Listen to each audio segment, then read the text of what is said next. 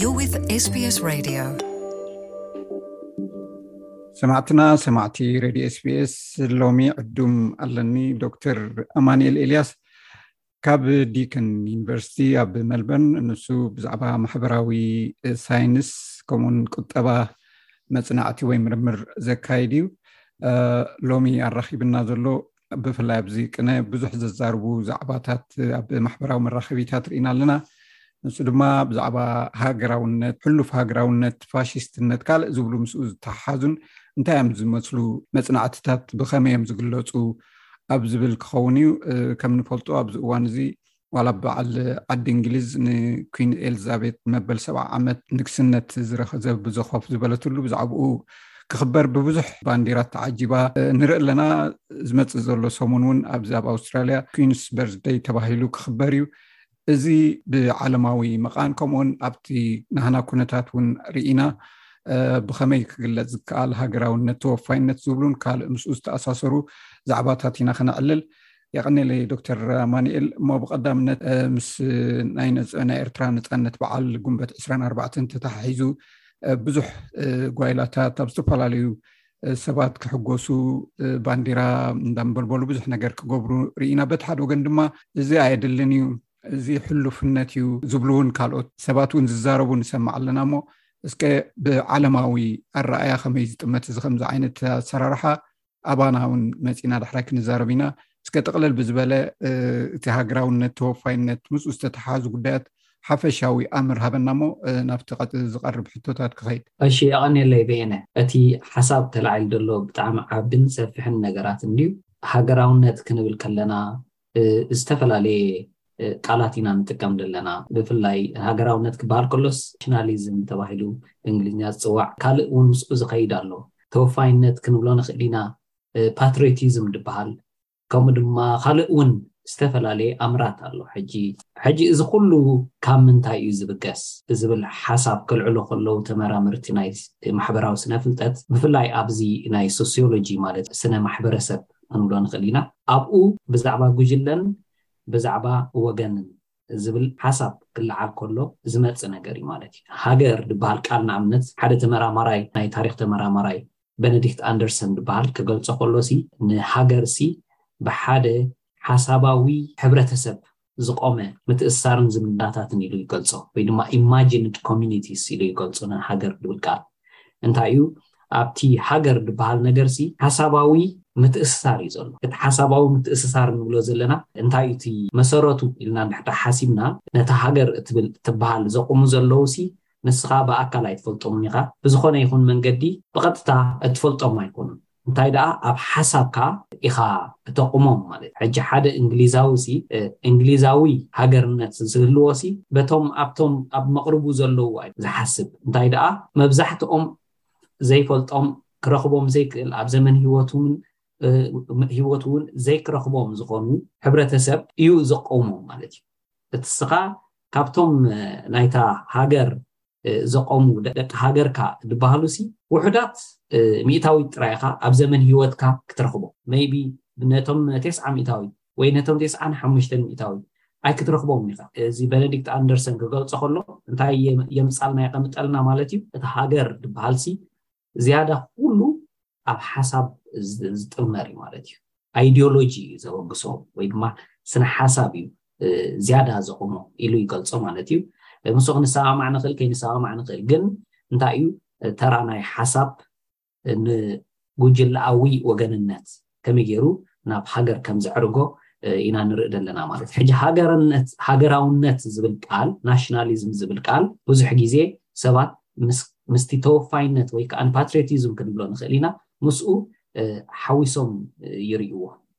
ሕጂ ኣብዚ ክውንነት እዚ ናይ ንኣብነት ናይ እንግሊዛውያን እዚ ናይ ኩንስ በርስደይ ኢልካ ትጠቕሶ ነርካ ኣብ ኣውስትራልያ እውን ኣውስትራልያ ደይ ወይ ካልኦት ሃገራት ከዓ ናተን ባንዴራታት እናውለበለባ መዓልትታተን ገሊኤን መዓልቲ ናፅነት ይብልኦ ገሊኤን መዓልቲ ናይታ ሃገር ይብልኦ ናይ ኣውስትራልያ ደይ ድበሃል ኣሎ ኣብዚ ኣውስትራልያ ማለት እዩ ናይ እንግሊዛውያን ድማ ኩንስ በርዝ ደይ ኢሎም እንታሽም ገብሩ እዮም ካልኦት እውን ነናቶም የብዕሉ እዮም ኣብዚ ዝያዳ እቲ ስነ-ሓሳባዊ ሓደነት ንምፍጣር ሓደ በቲ ሓደ ወገን ከኣ እንታይ ክንብሎ ንኽእል ኢና ሰረሞኒ ኢኻ ትገብር ወይ ከኣ ተብዕል ኣለኻ እንታይ ማለት እዩ ብበዓል ኣቢልካ ኢኻ ሓደ ክትከውን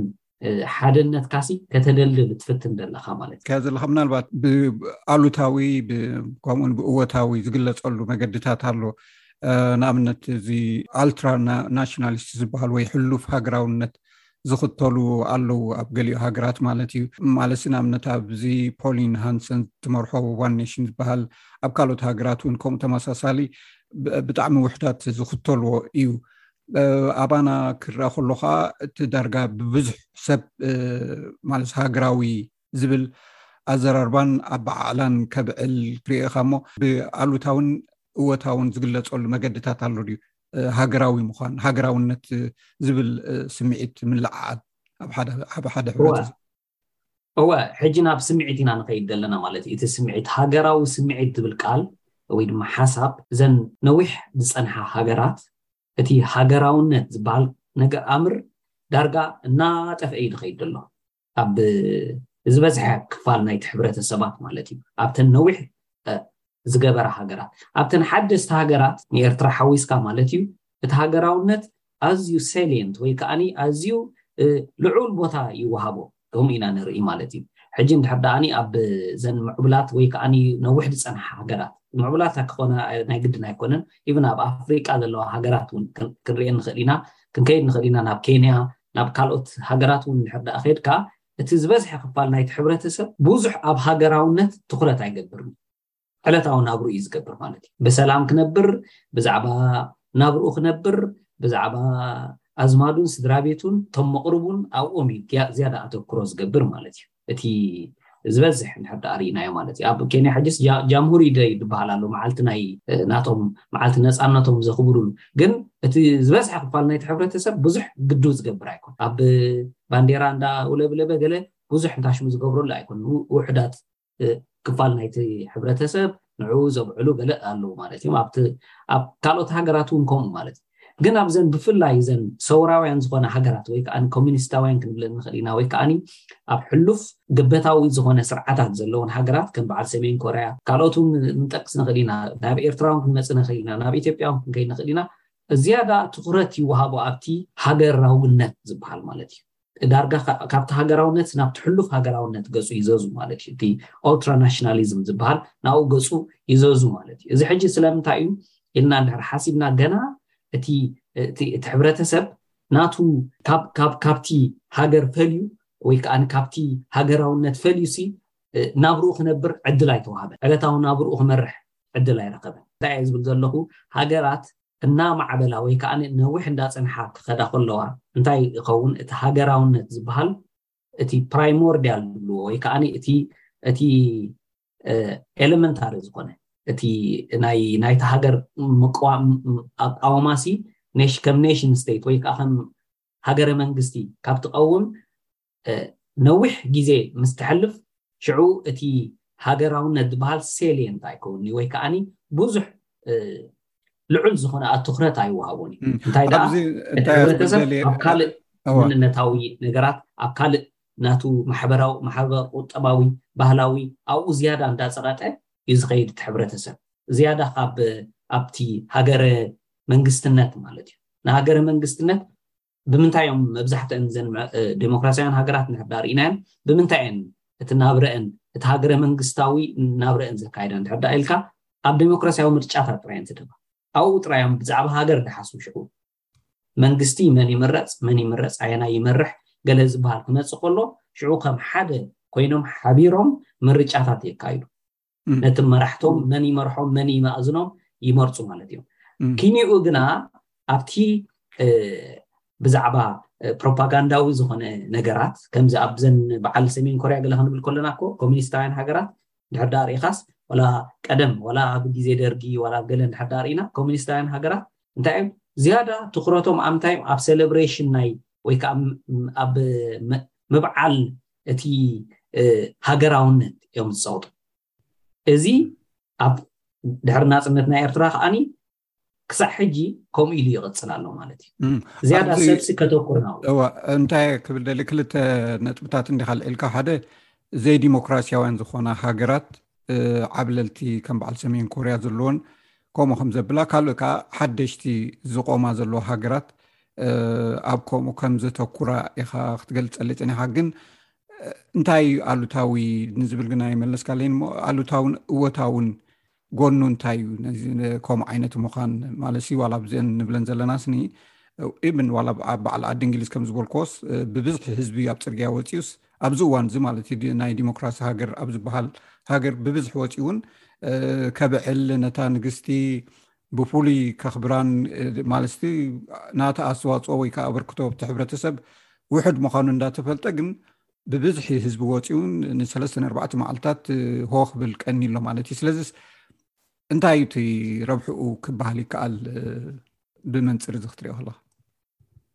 ዌል ሕጂ ክንፈላልዮ ንኽእል ኢና እቲ ናይ ዓዲ እንግሊዝ ንኣብነት እንታይ እዩ ዳርጋ ከምዚ ምሽ ኣሎ ኣብ ኣሜሪካ እውን ኣሎ እንታይ እዩ ናይ ሴሌብሪቲ ዝበሃል ዳርጋ እቶም እቶም ነግ ቤተ መንግስቲ ዝበሃሉ ናይ ዓዲ እንግሊዝ ሲ ንግስቲ ኤልሳቤጥን ንካልኦ ንኩሉ እተይ እታ ስድራ ቤት ወሲኽካስ እንታይ እዩ ናብ ሴሌብሪቲስ እዮም ሕጂ ልክዕ ከምዚ ሴሌብሪቲስ እዮም ዝቑፀሩ እንታይ ኣይኮነን ኣብቲ ሃገራዊ ኣበርክቶኦም ኣዝዩ ድሩት እዩ ዋላ ኣብቲ መንግስታዊ ኣበርክቶኦም ዋላ ኣብቲ ነታ ሃገር ዝምልከት ፖለቲካዊ ነገራት ቀደም ኣዝዮም እሶም እዮም ነይሮም ነገስታት ከለዉ ቀደም ሓያላት ነገስታት እዮም ነይሮም ሕጂ ወላ ሓንቲ ሓይሊ ገለ ይብሎም እንታይ ጥራይ እዩ ሰረሞንያል ወይ ከዓ ባህላዊ ነገራት እዮም ዝያዳ ኣተኩርኦም ማለት እዩ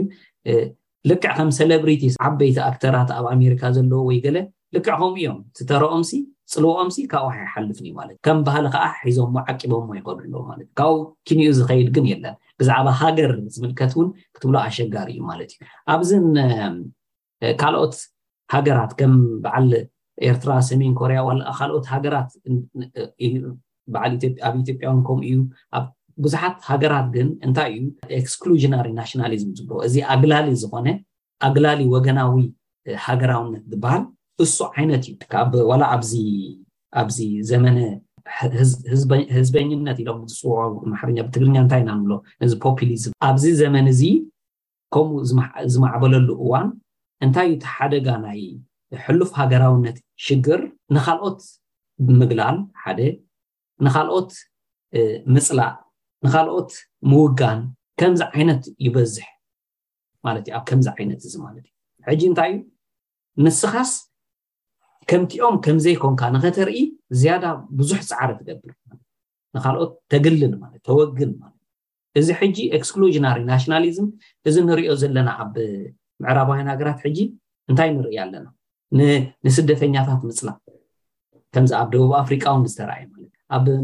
ኣብ ኣውሮጳ እውን ንሪኦ ማለት ንስደተኛታት ምፅላእ ኣብ ዓዲ እንግሊዝ እውን ተራእዩ እኮ ብከፊል እቲ ብሬክሲት ዝበሃል ሬፈረንደም ኣብ ዝካየደሉ ዝነበረ እዋን ዝነበረ ፅላኣት ስደተኛታት ፅላኣት ደቂ ካልኦት ዜጋታት ፅላኣት ናይ ምምዕባል ባህሪ ንርኢ ማለት እዩ እዚ ሕጂ ናብ ምንታይ ገፁ እዩ ዘዝ ማለት ናብ ፋሽዝም ገፁ ይኸይድ ማለት እዩ እቲ ሕሉፍ ሃገርነት ሲ እቲ ሕሉፍ ሃገራውነት ሲ ናብ ፋሽዝም ገፁ ይኸይድ ማለት እዩ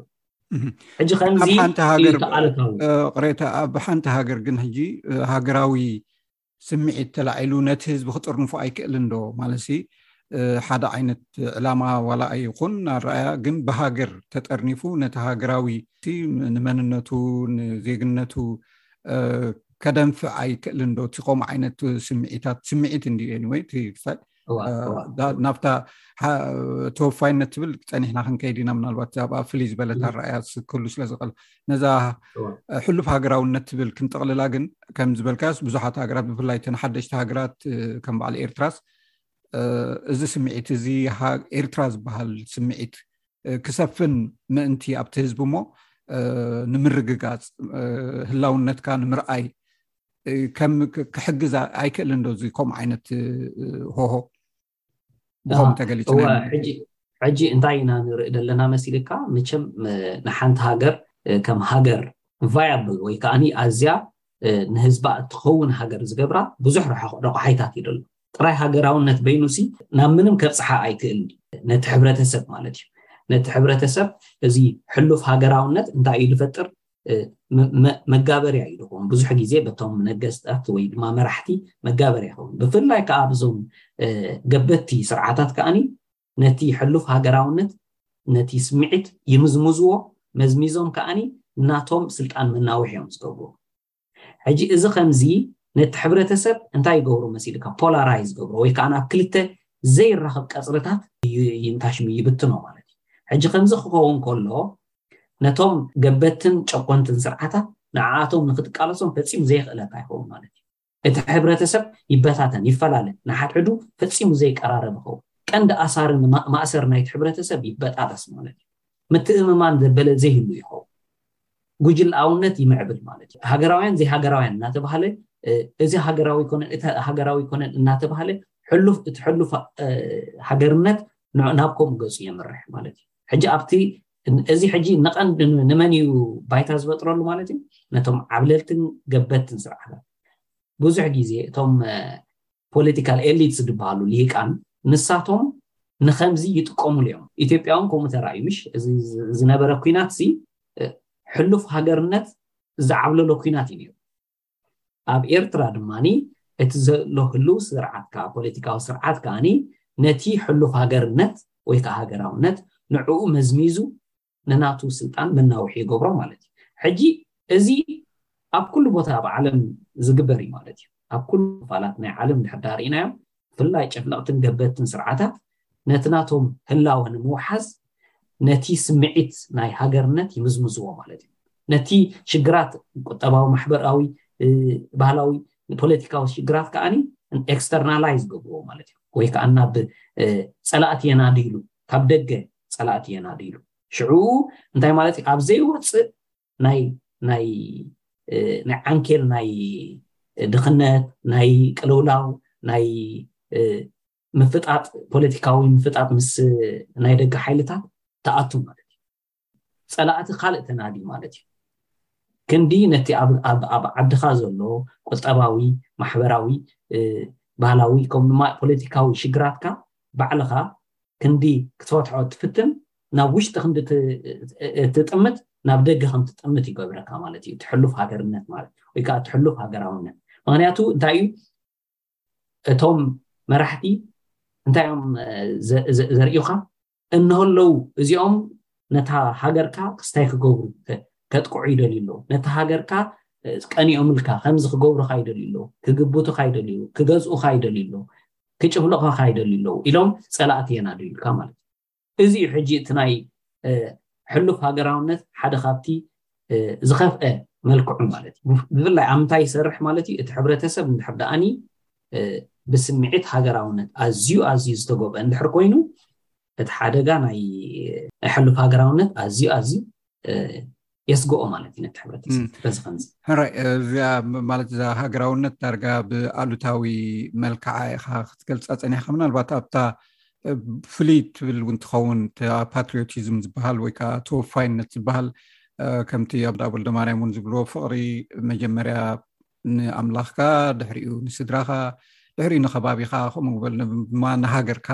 ኣብ ዝብል ካብ ብንእሽተይ ካብ ከባቢካ ጀሚርካ እንዳዕበካያ ትከይድ ምኳኑ እዮም ዝገልፁ እዚ ንዑ ዝገልፅ ኮይኑ ይስማዓኒ ካብቲ ሃገራውነት ንድሕር ክትፈልየለ ክኢልካ ማለት እዩ ስለዚ ካብዚ ተበጊስና ተወፋይነት ብከመይ ኢና ክንገልፆ ንክእል እንታይ እዩ ወይ እቲ ፓትሪዮቲዝም ዝበሃሉ ማለት ኣብቲ ናይ ትግርኛ ምናልባት ይተሓዋወስ ይመስለኒ ሃገራውነት ክበሃል ከሎ ሰባት መስዋእቲ ክስውኡ ከለዉ እንታይ እዩ ንተወፋይነት ድዩ ሃገራውነት ድዩ ኣብዚ እውን ቁሩብ ናይ ቃላት ወይ ከዓ ናይ ኣባሃህላ ነገራት ፀገማት ክህሉ ስለዝኽእል እስኪ ነዚኣ ብፍላይ ኣብራህያ ብመንፅር ናይቲ ሃገራውነት ኣተሓሒዝካ ማለት እዩ ክብራት ሰማዕትና ናይዚ ሕቶ ምላሽን ካልእ ዝቀረበ ሕቶታት መልስን ኣብ ካልኣይ ክፋል መደብና ምስ ዶክተር ኣማንኤል ኤልያስ ክንምለሰኩም ኢና ክሳብ ሽዑ ሰላም ቅነ